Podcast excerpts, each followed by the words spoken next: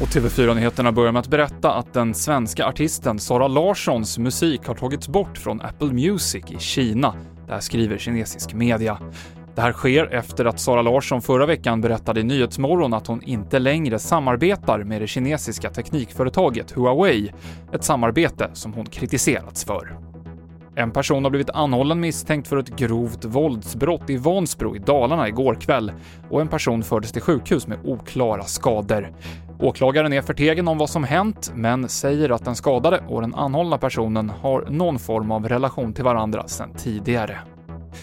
Och från och med den 17 augusti, alltså nu på måndag, så kräver grekiska myndigheter att svenskar visar upp ett negativt coronatest för att få komma in i landet, där skriver Aftonbladet. Det handlar om ett så kallat PCR-test som visar om en person har en aktiv coronainfektion och det här testet får då inte vara mer än 72 timmar gammalt. TV4-nyheterna med Mikael Klintevall.